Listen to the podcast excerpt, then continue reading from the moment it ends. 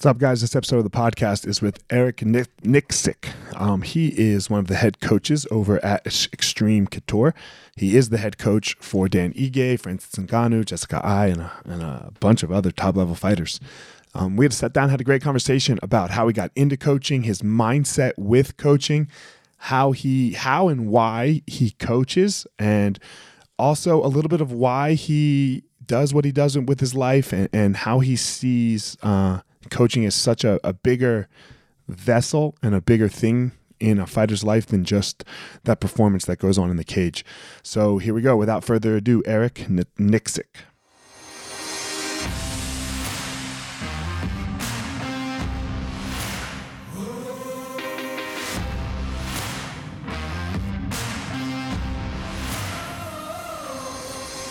What's up, my ninjas? This is former UFC fighter Elliot Marshall, and this is the Gospel of Fire, where we are going to learn how to go into the fire so that we can find our power and live the best life possible.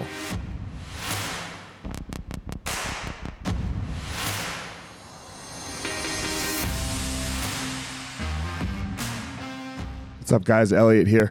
Um, before we get started, I have started a Patreon account. Patreon is a place where you can go to help support the podcast. Uh, I would greatly appreciate it if you are finding it useful. I have one tier right now um, for the first 50 people. You will get all of the short hitters, all of the little inspirationals on Tuesday, Wednesday, Thursday. They're going to move behind the Patreon, so you, you'll have to subscribe to get them and then also a monthly ask me anything and a recipe and a jiu-jitsu technique uh, will all come directly to you. And that's it. So patreon.com backslash elliot marshall and thank you all for your help. Guys look i get it. I totally get it. You opened a martial arts school and man it's kind of crushing you. There's all this other stuff to do other than teach right you love teaching you love jiu-jitsu you love muay thai you love karate, whatever it is you're you're teaching. And man, but there's all this other stuff. There's there's the front desk, there's there's taxes, there's curriculum, there's cleaning, there's there's problems, staffing, covering. Whew, man, it's so much. It's so much. Well, let me tell you, uh, we have started what's called Easton Online, and Easton Online is here to solve all of these problems for you.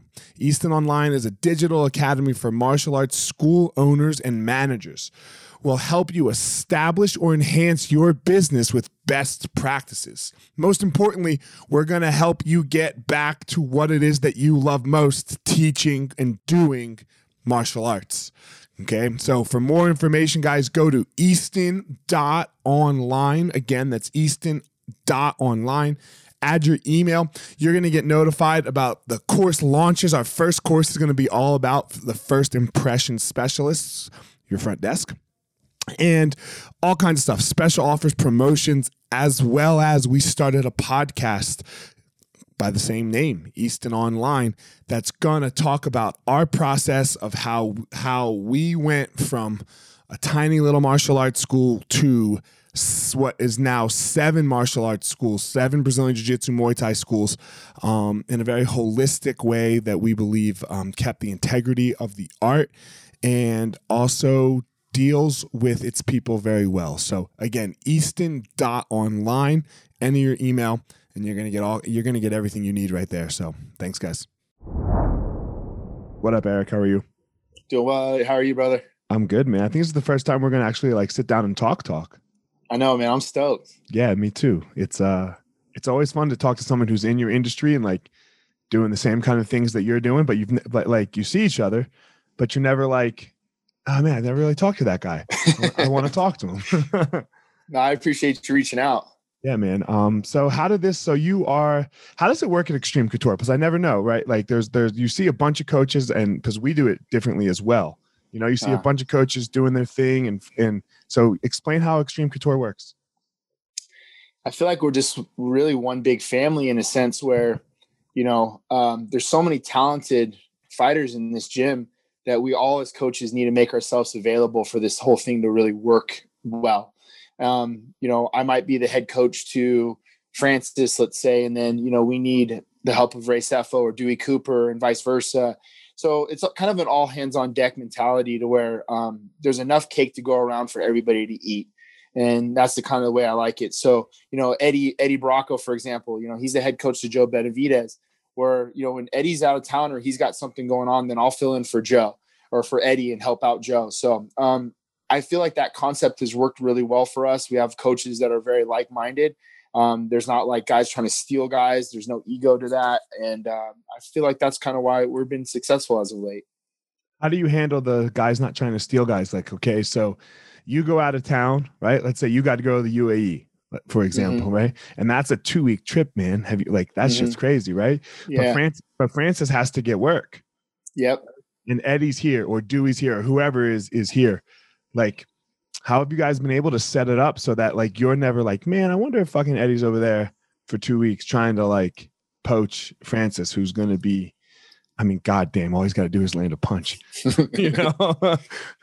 yeah, for sure. Um, you know, honestly, I, I feel like we have such a good bond between all of us. For one, but number two, you know, it's it's not. It shouldn't be about us as the coaches. It needs to be about the the fighters. And if if a fighter works with a coach, and let's say that they feel that they're getting something more or better than the, for what they need, you know, it really should be up to the fighter. I, I you know, I, am not going to be. I mean, obviously, you put a lot of work in with somebody. You don't want them to leave you, right? But I think you should have enough confidence in yourself as a coach and as a facility to know, hey, you should be able go out to be able to work with Coach Giff, you know, or somebody outside of the outside of the realm. And if they get better, right, you hope that that ultimately they're winning they're winning fights and that's going to reflect on you i don't i don't see a lot of stealing going on but i get what you mean and um, you know, I see a lot of jealousy in the sport, and it shouldn't be that way, man. We should focus our attention on on the fighters themselves, and good things are going to happen. Man, you know, I think this is such a weird sport, like, um, but it's so individual, right? It's an individual sport, and good coaching, I feel like it's, it's very necessary. Mm-hmm. But, um, I mean, let's be, I mean, all right, we'll just use your fighter, Francis, for example. You're working on him with incredible things, I'm, I'm sure, but you didn't teach him that power that's kind of mm-hmm. natural, right? Mm-hmm. So like like that it factor that Francis has, that's just his. That's like mm-hmm. the the great athlete of it. And sometimes I feel like, especially in the individual sports, mediocre, and I'm not saying you're doing this, right? Mediocre mm-hmm. coaching can get hid by great athletes. And then that coach thinks they're amazing, right? You mm-hmm. have this phenom. And all of a sudden, you're not really even doing that great of a job. You just got a freak you know How, happens happens all the time and i agree with you 100% so you know i, I think uh, i think almost kind of um, uh, taking a step back and, and setting your ego aside and understanding exactly your point like hey man you have a thoroughbred right now in in francis and what what little little little areas can you improve maybe it's his psyche maybe it's his work ethic maybe it's other things that you might see um, areas that we can improve in because you hit it on the head man anybody can really go and be in Francis's corner and look like they're doing a freaking phenomenal job, right? But it's the little intangibles I think that are important, especially for me right now. Yeah. Trying to under make him understand, like, hey, this this championship mindset is something that we're going to have to grow and we're going to have to build, and it's going to be with sweat equity. And I'm hoping that I think you're going to win a title, and we're going to be champ for a long time. So we have to make sure that we're improving constantly. Me as a coach as well, I have to step outside my comfort zone. I talk to Trevor Wittman all the time and Henry Hooft and guys where, man, how do I become better? You know, because you can't be the end all be all because guys are going to eventually going to leave you if you feel like you you can't grow as a coach either. Yeah, it's uh it's like the idea of making it. There's no such thing, right? Like yeah, yeah, you never make. I God, God, I hope I never make it. Right, right. I, I tell bad. my guys, I tell my guys all the time, man, if you're if you're going to be a coach, then you better be coachable, right? right? You have to be coachable, man. You have to be willing to adapt and learn. For sure, man. Uh, man, one of the things that I know that the I'm gonna and I'm gonna ask you here in a second. The way that I help myself like try to get out of that better best mentality is are like the words I use. I try to my friend my friend turned me on to this. Um, less skillful or unskillful and more skillful because it never lets you get to be best because even mm-hmm. when you are the best, let's say, you could still do something more skillfully. Mm-hmm. So like for me, that's what keeps me going. What what does it for you? Like how do you how do you stay out of that? Like because like you know you've said it a couple times, like put your ego at the door. But like man, you're being you're successful right now. Like you have mm-hmm. successful fighters. Um, mm-hmm. You have the number one contender who's just waiting. Uh, and you have a gym of a gym that's crushing it. How do you? What are the things that you actually do to keep the ego at the door? I think just a lot of humility, man. Like, uh, you know, I, I, I pull a lot off of like what Coach Follis used to always teach me, just about like, just keep your head down and grind, um, and understand that there's always work to be done. And every once in a while, to to to take a step back and then also look how far you've come. That's important too, right? But um, we're just, I, I guess, I'm just never really satisfied. I'm always trying to find areas to become better, whether it's at home or if it's in the gym. Um, self accountability, I think, is very important. I, I feel like even us as a society, Elliot, I feel like we point a lot of fingers and we're not looking within within each other and how can I become better. So, um, you know, every day I wake up, I feel blessed. I feel so honored to be a part of the sport and the level that I'm at. Um, but I, I, honest to God, man, I just feel like it's just been that head down mentality and just keep grinding and good things are going to happen. So um, that's been my my mentality ever since. I'm gonna ask a question here with with what you said. You got you touched on a couple of good things there. Um, first, Follis. Um, I met Follis when I was coaching with TJ. Uh, no, uh, no, Follis and I coached Benavi against Cejudo. Yeah, yeah, with Duane, and so that was my first introduction to Follis, and uh, what a great dude, you know. And then we coached on the Ultimate Fighter together. When he passed, and he was the head coach at Xtreme Couture, right? Like there was this mm-hmm. kind of definite leader in Follis. Mm-hmm. Been there so long with Randy and all the guys. Um, what was that like for the gym? The turmoil. Like, how did you guys? How did you guys handle that? Pull it back together, find some leadership, like all of that. What what was that time frame like? Well, um, it was actually Coach Dennis Davis was was the head coach and has been the head coach. Um, okay. Dennis Dennis made we all made room to to for Follis when he moved out to Vegas. We wanted to make sure that he had a spot. Um, I've known Robert for a long time, and obviously Dennis kn- knew him longer than I did. Um, but I, I met Robert through through Coach Dennis, and that was something to Dennis's credit. He's like, man, this is bringing Follis on board is going to make this gym so much better, and that's what it did, man. Like what Follis did was he brought a standard, not his standard, but our standard. He made we all sat down as a team, and he asked certain questions and what he did was make us answer these questions and then set those standards within the questions. For example, he was like, you know, hey, what do we want to do here as a team? Like, do we want to win some fights, be mediocre, or do we want to win some world titles? And of course, everybody said, like, we want to win world titles. So he said, that's great. That's the answer that I was hoping to hear. Well, within that, what we need to start setting these standards. Little things, Elliot, you get it, man. Like the proper gym equipment, right? taking care of one another, being good teammates, being on time, all these little things that like we kind of were overlooking. And that turned into that mentality and that standard. And that's what Fall set said, Hey, look, you guys all agreed upon this standard. We're going to set the standard, but I'm going to help uphold that standard because that's what you guys want, what we want as a team. So, you know, definitely with his passing, I was all a lot of us were hurt, man. It sucked because, you know, we didn't have the best exit. Like Follis Follis wasn't the same person his last six months of his life. And a lot of people close and, and that know him, we all understand that there was a lot going on there that he just wasn't the same person.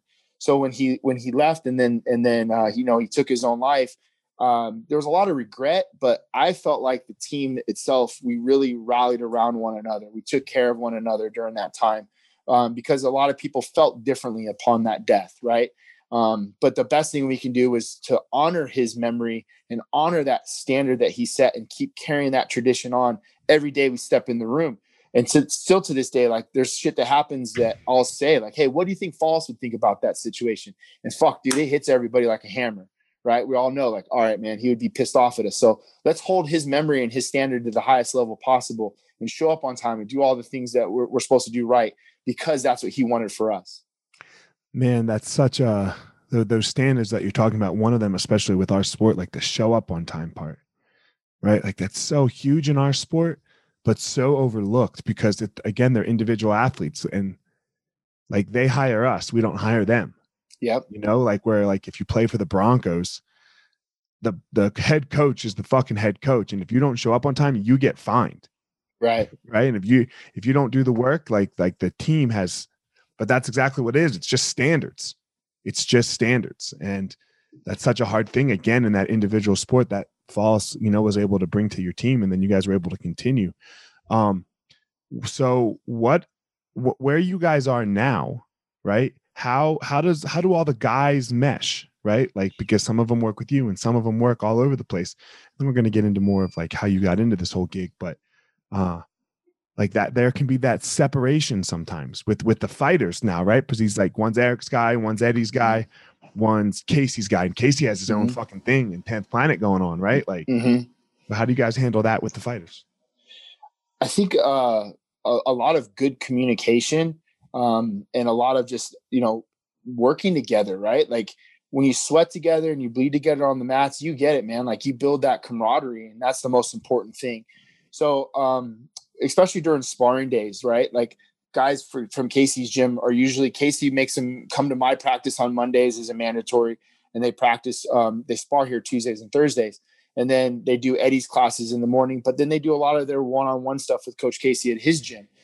Uh, I think that's important, man, because like we we talked about earlier, there's so many talented fighters in the city, and there's not a lot of coaches. So it's important for us as coaches to be able to work together and kind of keep that line of communication open. That we understand that these guys are getting to work, and I can't work with everybody. We just don't have enough time right? I can't, I can't, gi- I don't want to be hundred percent with my fighters. So if I can't give you hundred percent, I'm cheating you, man. Like I'm cheating the fighter. So it's important that all of us kind of give that time when, when, we have and when we have it.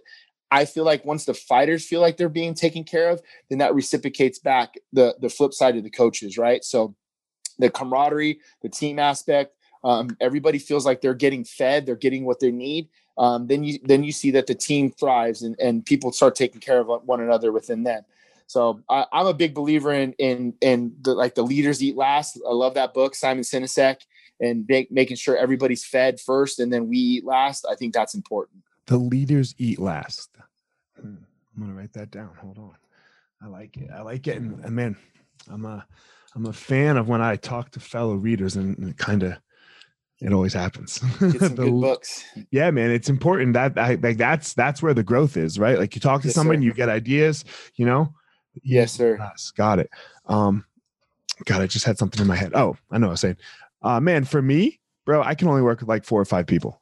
Like I can't, I can't do it uh, because I have, you know, I have a couple jujitsu athletes and then I have a couple MMA athletes, and that's it for me because like I have to, I have to love them. Like I can't be like, oh, we lost, you know.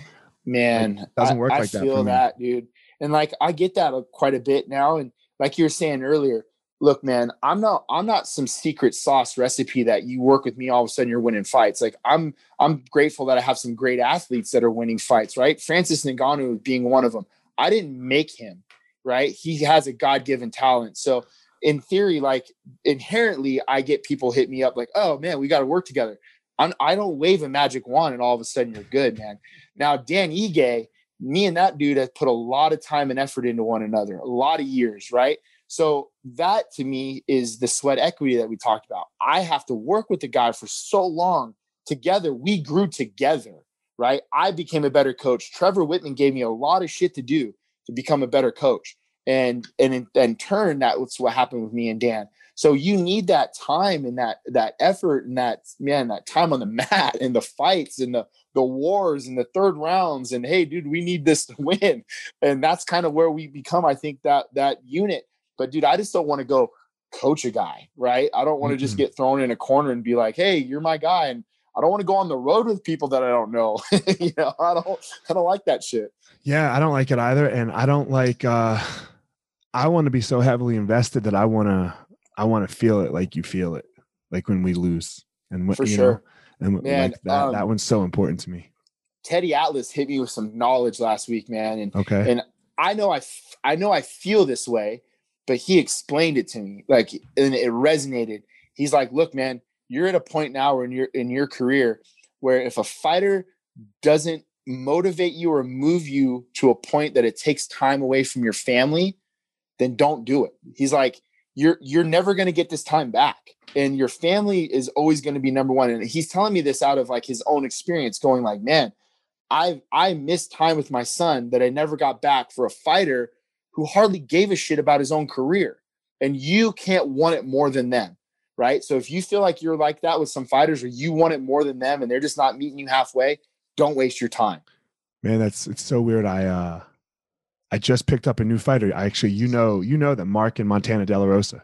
Yeah, great people, man. Man, like I was I was to the point where I was like, I don't want any more fighters, right? Like um when Corey Sandhagen, because he was my youngest fighter, Mhm. you know, I was like, when he's done, I'm done. Like, like Mhm. you know, like because at some point we got we're gonna step back, right? Yeah. Like all of us. Um, and then and I was like, man, I for sure I have I have a, a female, young female jujitsu fighter, you know, Mhm. who I've had her, you know, since she was like, I don't know, 15.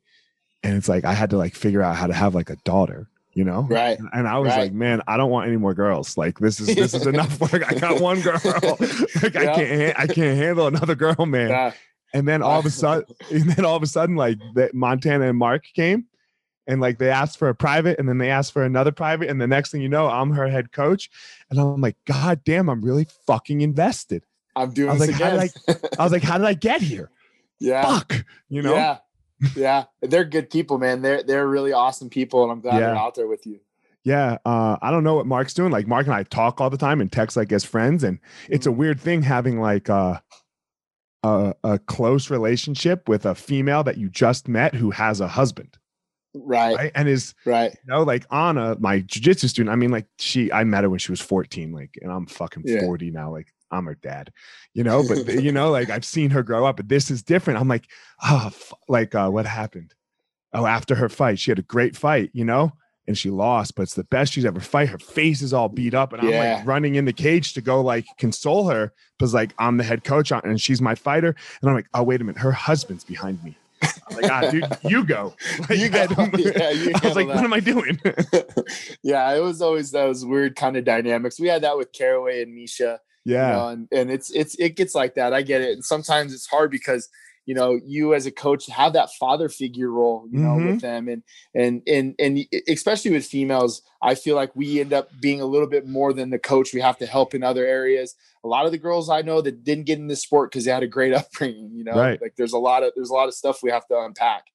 the dude the dudes either most of them right no one no you know i don't know i was a weird one I, I had a great child i mean that's weird no i didn't have a great i had great parents i didn't have a great childhood you know Right, so right. like it's like that but like yeah but then like especially like we're older now how old are you I'm 41 yeah so we're older right so you get these Yeah. 20 year olds and you're like their dad for sure. right for you're sure. like you know you're totally like their dad and you're like all right yep you know Yeah. and fuck it, it's a it's an interesting thing I, I agree with you especially with the females uh it breaks my heart it breaks my heart when they lose Yeah. you know Like, yeah. god damn like you feel like you let your kid down Exactly. Yeah, that's exactly how it feels. You're just the, you know, how anytime we're done with a fight, that adrenal dump, but especially when it's with a female, you know, you're like, oh man, if you lose, because I mean, that was the worst I've ever felt, I think, ever in my career is when Jessica got head kicked by Valentina in that fashion and in that stage, everything, right? Like, I'm in the hospital with this poor girl, and man, it was just absolute heartbreak. I, I didn't want to, I didn't, like, I don't know if I ever want to do this again. This was that bad, you know? it was uh, like and i'm just going to relate to my experience with montana because it was the best she'd ever fought right. that fight. but she she lost and this is so different than like riding a bike like if Right. you if you rode a bike and you and on a bike race and you set a pr you'd be stoked Right. you'd be stoked well montana earned a trip to the fucking hospital right you know and they take her off mark went with her. Christian who was a, the other coach he had Alistair right after so he Right. stayed in the apex center and then i just got shipped home by myself like within I two minutes i was like oh god this feels like shit like, you know i'm by myself i'm sad uh where's the Or if I- food you know? exactly. Yeah. Yeah. This shitty holiday express on Dean Martin. I can't leave. Fuck. You have to stay there too even though you live in vegas They made it, they made us stay there uh, after weigh-ins. They made us stay there. But the Tuesday, um, I've heard, I've heard mixed things. Like one time you know, I've had a lot of local shows. They let me go home on the Tuesday. I didn't have to quarantine, but Friday for sure, like right after weigh-ins, they make us stay there. Got it. Got it. Um, all right, man. How'd you get into all this? Where did this start for you? And you've mentioned Trevor a couple times. I want to know where that relationship started, but where did all of this martial arts start for you? Uh, for me, it was kind of um, just kind of fell into it. To be to be honest with you, uh, when I was playing, I, you know, played football here uh, as a kid. Uh, John Lewis had opened up his gym, and I was able to go go over there a little bit, and then I went away to school on a scholarship. And then obviously you can't you can't be doing jujitsu on a scholarship; they're just going to take your scholarship away. Right. Um, so when I came back home, um, I had about a couple years in between. I trained at a little small gym, and then I saw saw Randy was opening up a school, and uh, I had no idea when and how to really get a hold of him or what the deal was. So I knew the location, and I just showed up, and it was actually like Mike Pyle and Jay Hieron and all the boys are in here. Um, I came in, just said, "Hey, I, I want to think about joining the gym." They're like, "Well, we're not open yet. We're going to open in March."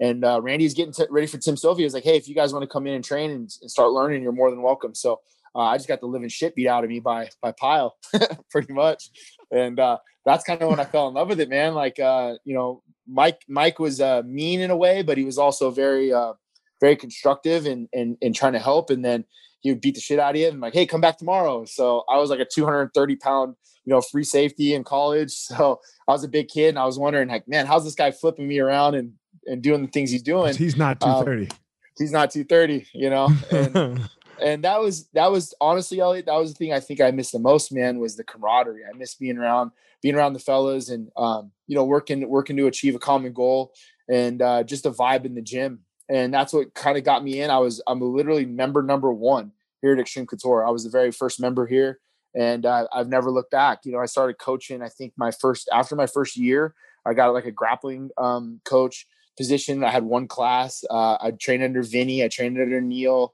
Had a lot of good coaches here, uh, Drysdale as well, and then took over the kids program. Um, and then after that, I, I got offered the, the gym manager position. Um, and then be, in between, I was always coaching fighters, so just kind of cutting my teeth. Never got into the sport to actually want to compete. I never really thought I wanted to, and then uh, I think the coaching side for me always was there because my dad, my dad, my uncles were all football coaches, so the coaching line was always there. I, I thought I was coach. I would coach football, but um, you know, I was able to kind of bring I think a football mentality uh, into this sport uh, I watch a lot of tape. I do, you know, everything I did in football, I, I do now for for MMA, and uh, it, it just I think it was a blessing in disguise, man. It was just an easy transition for me. So you never wanted to be a fighter? Not not really. Like I, I actually got offered to fight Ryan Bader on a local show here. Um, Dennis Davis is on a card here, and I was training with Dennis a lot. And then uh, the promoter came in to check on Dennis. He's like, "Hey, you know, what do you think about fighting at 205 and fighting Ryan Bader? And I actually knew Bader from uh, from football. So I was like, oh yeah, I know Bader. And, and my here's my wife. She's about six months pregnant with our first child. I come home, I was like, hey babe, um, I'm, I think about taking this fight. They're gonna pay me like two thousand dollars fight Ryan Bader. And she's like, are you out of your fucking mind? like I'm pregnant.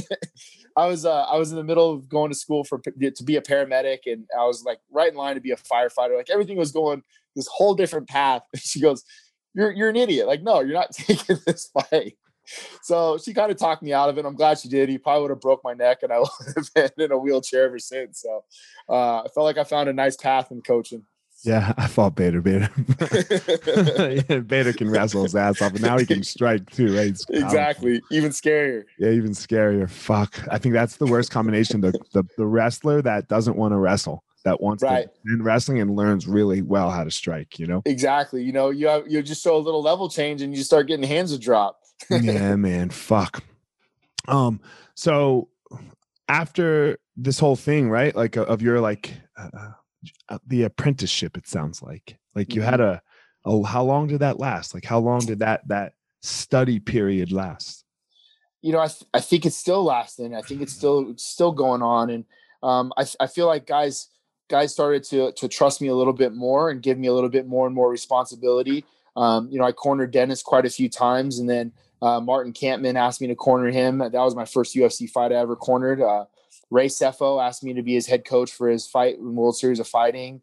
Um, started working more with Brad Tavares more as a body, um, and then Brad started trusting me more as a coach. So uh, that that really, without those guys, man, I, feel like that started. You know, I cut my teeth and I started to understand the sport more and more. And those guys gave me opportunity, and and then the door started to open for me. That's interesting because my path was so different. I got to jump right in after fighting, right? Because, mm-hmm. um, like that that you have to earn that trust, and if you mm-hmm. know, and I, th- I think sometimes, and I think this is a mistake, and it sounds like you did it amazingly. I think young fighters who don't quote unquote make it, and we'll say to that really high level, right? When they, I'm sorry, young coaches, when the ones that haven't made it to a high level, they don't, you don't get that built-in trust. Like Mm-hmm. I understand, I got it. Duane got it. Mhm. Um, who else? Who's coaching now that used to fight? Mike Brown got it, right? Yeah. Uriah Faber gets it. You know, Mhm. like because it's like okay, those guys know what the fuck they're doing, right? Correct. And you might know just as much as us. Mhm. It's not inherent. It's not. It wasn't seen. Correct. You have to build trust, like that Correct. that you are, because it's such a, it's such an emotional experience for the fighter. How did you build the trust, uh, like, um, that you're talking about? How did you make that happen? Be up front and not and not like try to be fake in something that wasn't me, right? Like, you know, I, I I've seen guys get in the sport that will tell dudes that they've like 200 no in street fights and now this illustrious amateur career and all this bullshit and just feeding bullshit. Dude, you're gonna get exposed, right? But I think if you're candid and you and you tell guys like, hey, like I can draw on my experiences, but they might not have been at the level of of where you're at or other guys, and and just show a little humanality and not not trying to be boisterous in that fact. I, I think that shows a lot. Just knowing that, you know, I'm not trying to lie to dudes. I'm not trying to tell them something and, and blow smoke up their ass. Um, that was and, and for a long time that was uh, something I was always pretty insecure about in the beginning. And I remember um, having an offensive coordinator in college that never played football. And me calling my dad, I was like, yo, how am I supposed to listen to this guy? He never played ball.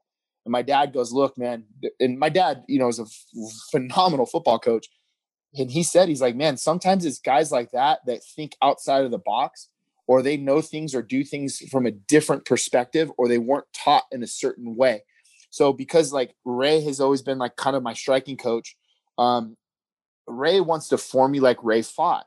And then I go work with Duane, and Duane will show me things. I think Duane's always been a little bit more open-minded, right? So I've I've always been a guy now where I have multiple coaches. I never fought a certain specific style, but I'm able to bring on different styles to help adapt. So I can coach Uriah Hall a certain way, and I can coach Brad Tavares a certain way that fits their styles. So that I, I feel like it helps me just kind of, I guess, blur the lines a little bit. Yeah, for sure. Just that constant study, that constant student. Like you said, you're you're still a, you're still an apprentice. Still an apprentice, Still man. It makes apprentice. me hungry, man. And shit like that too. It makes me hungry. Knowing that like I never fought at this high level, right? So I have to be better than everybody else. I have to be, bro, because there's there's really like there's no excuse. Like if I'm not studying, if I'm not getting better, if I'm not asking questions, if I'm not reaching out to guys like yourself or Trevor, like, hey man, what are you seeing here? Or how am I, you know, and ask those que- questions. And then those guys are always willing to pick up the phone and and help. Dude, that that's only gonna make me better. It's yeah, like and there's such for most of us there's such a bond between us, right? Like For sure. even even like even when you stand across the cage from the other person, like it's not like man, look, let's be Tip clear. yeah, and it's the fighter. Like the Yeah. fighter's gonna Yeah. go do it. You you you and I can be standing across the cage from each other. You and I could have both implemented the best game plan possible to beat said fighter. But Yes. still got to go do it, man. They still got to go execute. They still yeah. got to go do it, and the best Yeah. fighter's gonna win on Yes. that night. You know. Yep, absolutely. So like there, I you got to call coaches. You you got to talk to each other. You got to see what other people are doing, and you know the internet's out there, right? So you can't hide what you're doing. Look, and, and and it's hard, man. Like it's it's hard on us as coaches enough when you leave your families, when you're putting all this time and effort in. You know, we usually get the blame rather than the credit for most of the time. Um, you know, I feel bad for sometimes coaches get get uh, shit for making a bad call or a bad decision, and usually those are the guys that I'll reach out to, man, and let them know, like, hey, bro, you know, hey, I'm here to support you. If you need to talk, hit me up. Like, you know, I remember when Mark Montoya got this shit for um, Anthony Smith. Dude, Mark's a good friend of mine, and I felt more more protective of him than than that. eh, You know, just because I know Mark, and it was a tough situation. We all could have been there, man. So it's important for us as coaches to have that that camaraderie for one another and take care of one another. the idea that we all could have been there. I think I'm, I'm going to switch gears out of fighting a little bit because I think fighting is just a dichotomy of life. Mm, Uh, we all could have been there.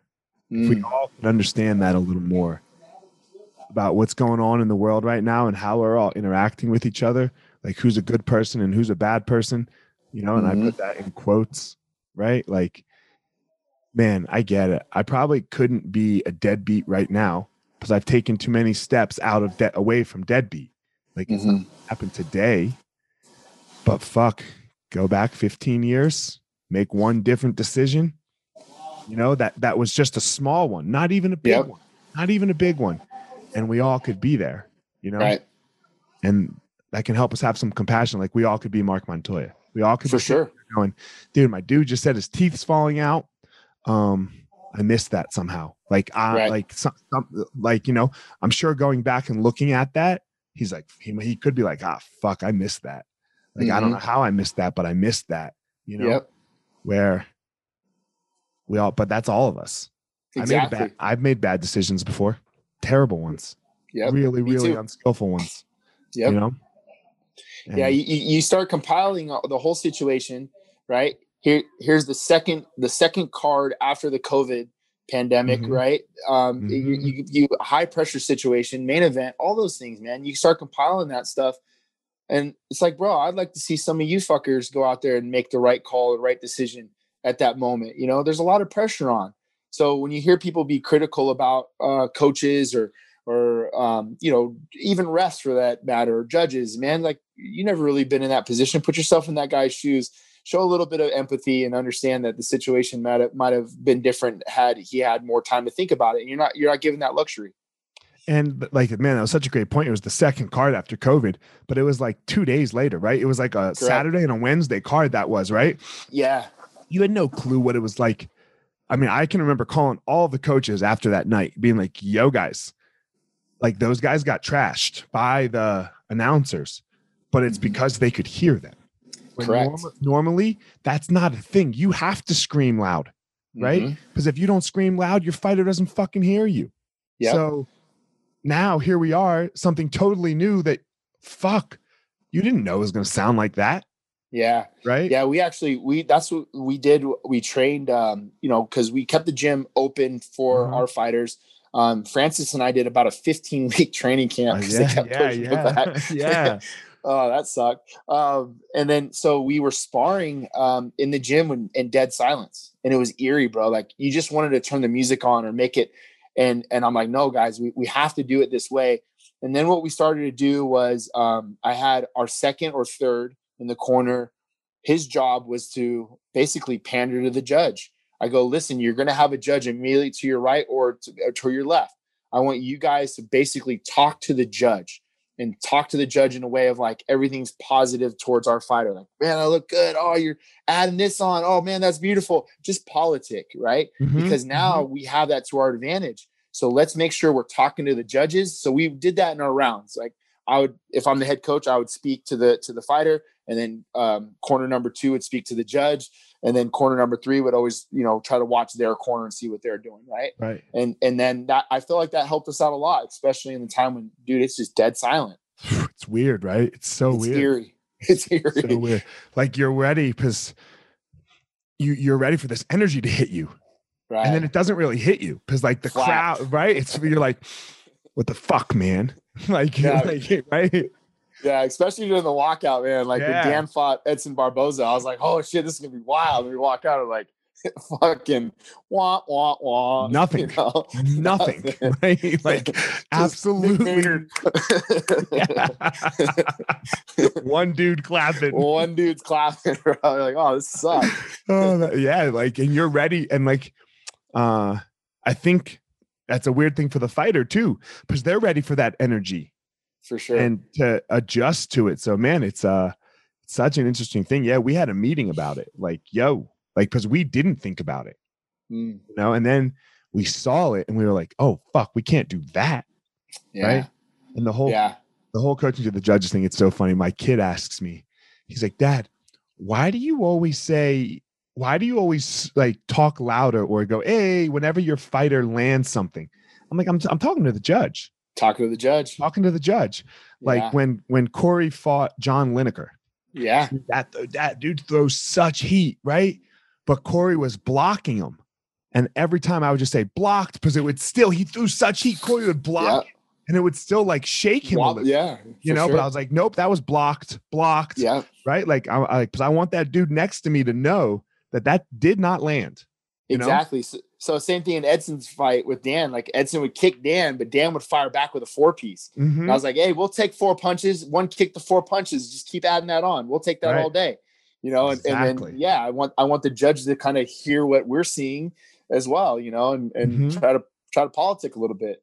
You know, or bully, either one, right? Or bully the exactly. judge. Give him a little eye contact. You saw that was Yeah. fucking blocked, right? And he You fired back that, with right? four. He fired back with four. exactly. so, um, man, you've mentioned a couple Colorado connections here, and you mentioned Trevor a couple times. How'd you meet Trevor? Like, where did where did that relationship start? Did you reach out to him, or did you just randomly meet? Uh, through Justin. So um, Gaethje would come in the yeah, Okay. he'd come in the he come in the gym quite a bit, and then um, well, and then Trevor would come into the gym and just he's such a great guy, man, and he never wants to impose or or or even step on the mat. And I'm like, you know, he'd sit up in the bleachers and watch Justin's practice, and I was like, hey, coach, like if if you need to corner his rounds or coach him, please feel free to you know jump in there and. Um, then him and I just kind of had a little bit more open line of communication. And then when Follis passed away, um, dude, he really he wrote me a really nice uh, message, and um, and then I saw him on the road, and you know he, he pulled me aside and he's just like, hey man, I'm a big fan of yours, and he goes, um, you know, I know I know you lost your mentor when and Follis passed away, and he's like, I just want to let you know that I'm gonna reach out to you more, and that if you ever need anything, I'm gonna be here for you because I know that you you miss your guy Follis, but I want to I want to fill that role for you. And uh, man, that you know, I like get teary eyed just thinking about it, but like that really meant a lot to me that he that he took the time to come over and and and speak to me. And you know, since then, there's not a fight that goes by, win, lose or draw, that Trevor's not one of the first runs to write me. Shit, Francis beats Jairzinho, and Justin wins the interim title. Trevor Wittman writes me writes me. Oh my God, that was amazing! You guys did awesome. You know what a win. I'm like, fuck, Mhm. dude, you just won the interim title and just put on a clinic versus Tony Ferguson that just goes to show you the type of person Trevor is. You know, he he's always trying to spread the love, and um, he's taught me a lot about doing the same. And uh, you know, he's just been a great great person for me. I think Trevor's life. Um, so I was Trevor was my coach, right, as well. Trevor's life got way better when he stopped trying to run a gym. Mm-hmm. You know, like that that was not his calling, you know, Yeah. but like it was the only way to like kind of do it back then. And now that he has like his fighters and he's doing the Onyx thing, but he can re- he has like I think he's got like two fighters, right? Yeah, maybe three now with Kamaru Usman. Um, it's really working out way better for him. Even though, like, like to say he was he wasn't unsuccessful before because he had Shane Carwin, he coached Rashad. Like it wasn't like his coaching was unsuccessful, but his life was kind of out of organized. Mhm. And now that he's like taken a step back, I think he's really crushed it, and he's he's able to help people more, which is kind of cool. And not only that, like you look at the product now, look Yeah. at Justin and look at Rose and what they're doing. And you know, he talked to me about that. This was in 2018. He pulled me aside because I was on the road, Elliot. I think um, at least at least twice a weekend I was on the road, and you know, it it, it, it was nice for the family, but uh, monetarily, like we were making some good money. But at the same time, you know, I was missing out on a lot of things, and you know, he pulled me aside and kind of checked me on that. He's like, "Look, dude, you're gonna have to." pick and choose the guys you really want to work with. And he goes, he goes, look at me. I, I'm really only working with a few. Um, I actually sent Kevin Lee his way. You know, um, when Ke- when Kevin when Kevin's last loss versus RDA, uh, I talked to Kevin. I said, look, man, I, I think that we're missing something here in, in our ideology or something that I'm not connecting with you on. I think it might be beneficial for you to go check out some other gyms. I love you, bro, and I want to see you win. And if that means you have to win at other places, um, so I sent him out to see Trevor. I sent him to Montoya's. I sent him to uh, John Crouch, and you know, out in Arizona. And he decided on going with uh, with Firas. But um, you know, even even for Trevor, he's like, man, I don't know if I want to take anybody else on. I don't know if I want more people. And and it's the formula has worked well for him. He's been f- able to focus on his on his uh, equipment line, Yep, which is yep. unbelievable. You know, and then and then uh, look at how Rose and and how Justin's doing, and now Usman as well. Yeah, it's uh yeah, I think the day um I think it was probably necessary at the time, right? But the day of like the Mhm. Greg Jackson, where he was on Mhm. the road every weekend, right? Mhm. Every weekend out of UFC. I think those days might be gone. Yeah. right? Like those those, you know, uh I think I think the struggle that we are gonna have now as an MMA society, um, as like a coaching thing, is not letting things split, right? Because you're going to have to have a lot of coaches in the gym. Correct. And obviously, when the when the team starts to do well, those egos will build, and everyone. Uh, it's the it's the constant problem. Everyone thinks it's them, right? Like, Yeah. they're the ones doing it. Yeah, if, if you if for me, I, I always kind of use the analogy of like if if everything that's important in my life, whether you know obviously family, uh, your gym, then the team, and then the fighters, and you have these four buckets, and you feel like every day you're just putting drops of water in each one of these buckets, right? But if you're not getting around to each bucket, man, one's gonna suffer, and you and and for me, like I just started seeing my family starting to suffer more. You know, my wife wasn't really on me that bad about it. She knew the work was being done, but it was my daughters. You know, I remember one of my daughters just crying that she's like, "Dad, I miss you, and, and you're and you're gone all the time, and you know, you're not at my soccer game, and you're not here, and you're not there." Um, and that's when it started resonating. That's when it started to hit me. You know, and and of course, you want to be busy and you want to work with all these big names, but at what cost? And to say any of us, you can't completely leave your ego at the door.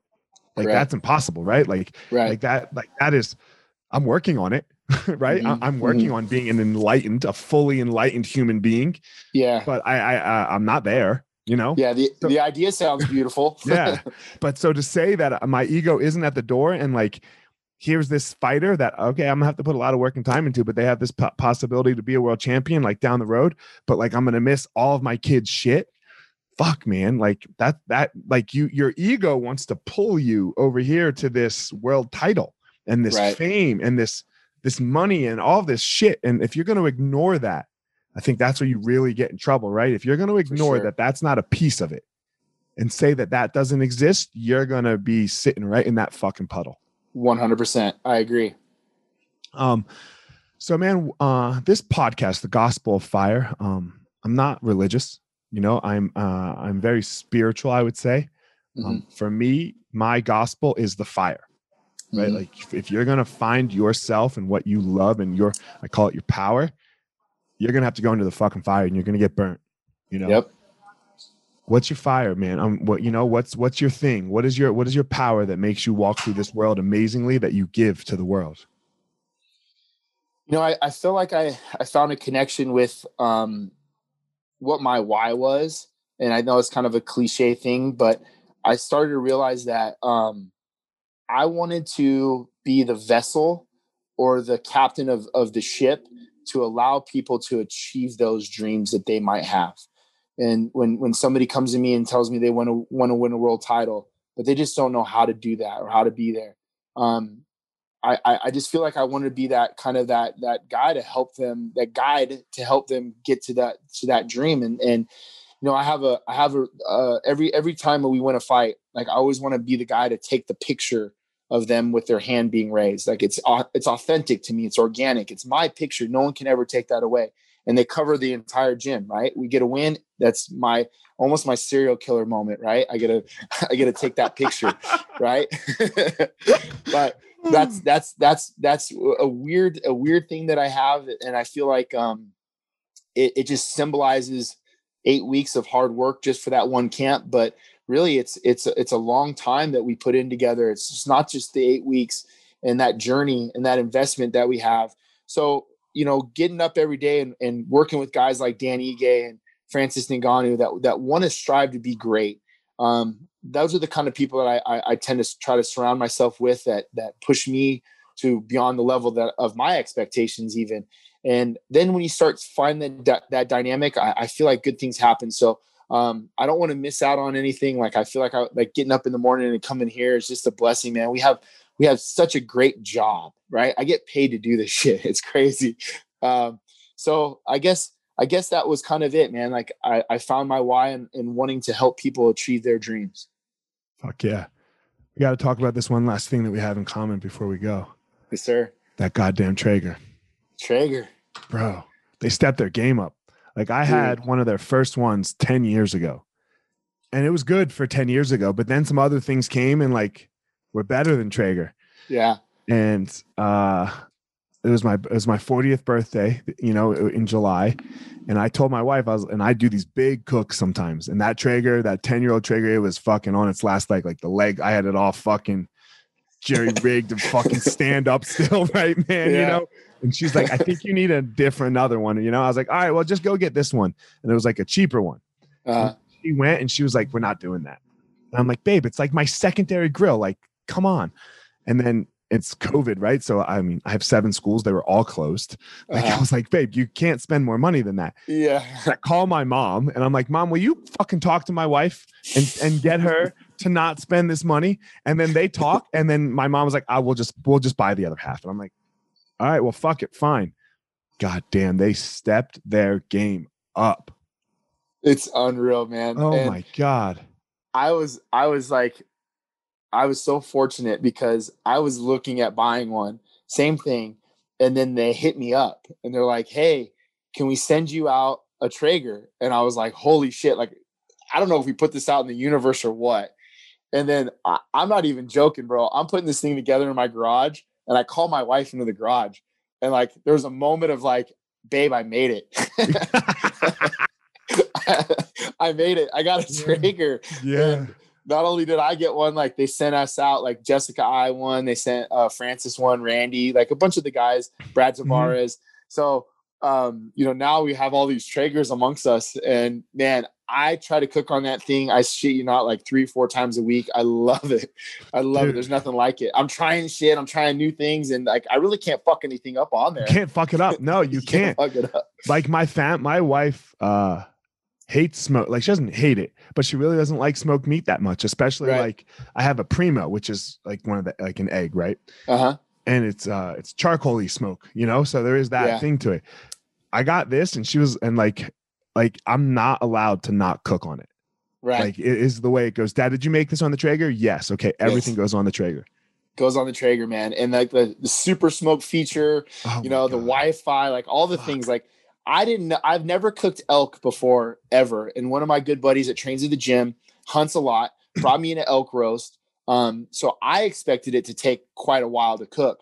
So thankfully like i put it on the traeger before i left for the gym assuming it would be about ready to take off when i got home. Put the prod in and then here i am at work and i get a notification on my phone that that, that it's at cooking temperature. It's like oh shit. Run home, pull it off, let it rest for a little while, slice it up, brought it back to work.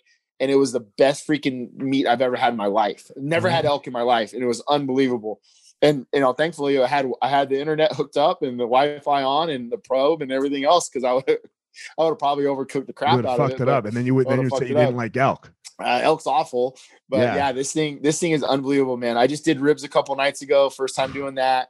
I've seen your stuff too, trying to follow what you're doing, doing trying to do the brisket and bro, it's unreal. And you cannot mess that thing up. It's unreal. You can't. You can't. You know. Uh, we'll exchange numbers and we'll we'll we'll, we'll help each other out here and, and afterwards. But yeah, man. Like, so I, I mean, I've been on this grill thing for I don't know, 15 years now, and fuck, this is I've never cooked this well. Like, I've Oh. never fucking cooked this well, hands down. Yeah. I had Joe, uh, Joe and the guys over before we left for uh, Abu Dhabi. Okay. And like, yeah, J- you know, Joe's a big foodie, you know, and he's like, dude, this is the best steak I've ever had in my life, you know, and, and that was it, man. It was 20 minutes with the smoke, and then you just put it on the cast iron and end up, and you're like, and all of a sudden you're fucking Bobby Filet. It's stupid, right? It's stupid how good it is. Um, so good. dude, him Speaking of Joe, Joe, Joe absolutely loves you. And anytime your name comes up, he's like, by far my best coach I've ever had. He break the way he breaks things down, all these he just sings your praises, man. So he he loves you to death. I love them. I love them both. Yeah. You know, um, I only got to coach him for two fights. You know, because Mhm. like the whole transition and thing. You know, like like there. I'm but it was it was an amazing time. Uh, sh- Megan, if ever like, and I know she's so easy to like because everyone sees her on TV and she's pretty and she's all these things, right? But goddamn, she is just a good fucking human being. Like She's amazing. She's amazing. She's she those two of all the couples in the world, they're my favorite. Like of For everybody sure. I've ever met. Like the So- husband and the wife. You know what's funny too, because like we all have that like good buddy, that one of our best friends that's married to like a fucking battle axe, right? You're like, Right. how the fuck? Right. And then and then and then you flip it, like you have a girlfriend or a friend that you know forever, and her husband just sucks, dude. Like they can't complement each other better. Like they're the best couple you're ever gonna meet. Like so, we go to Abu Dhabi and they give Megan this like unbelievable suite, like wraps around the whole fucking hotel.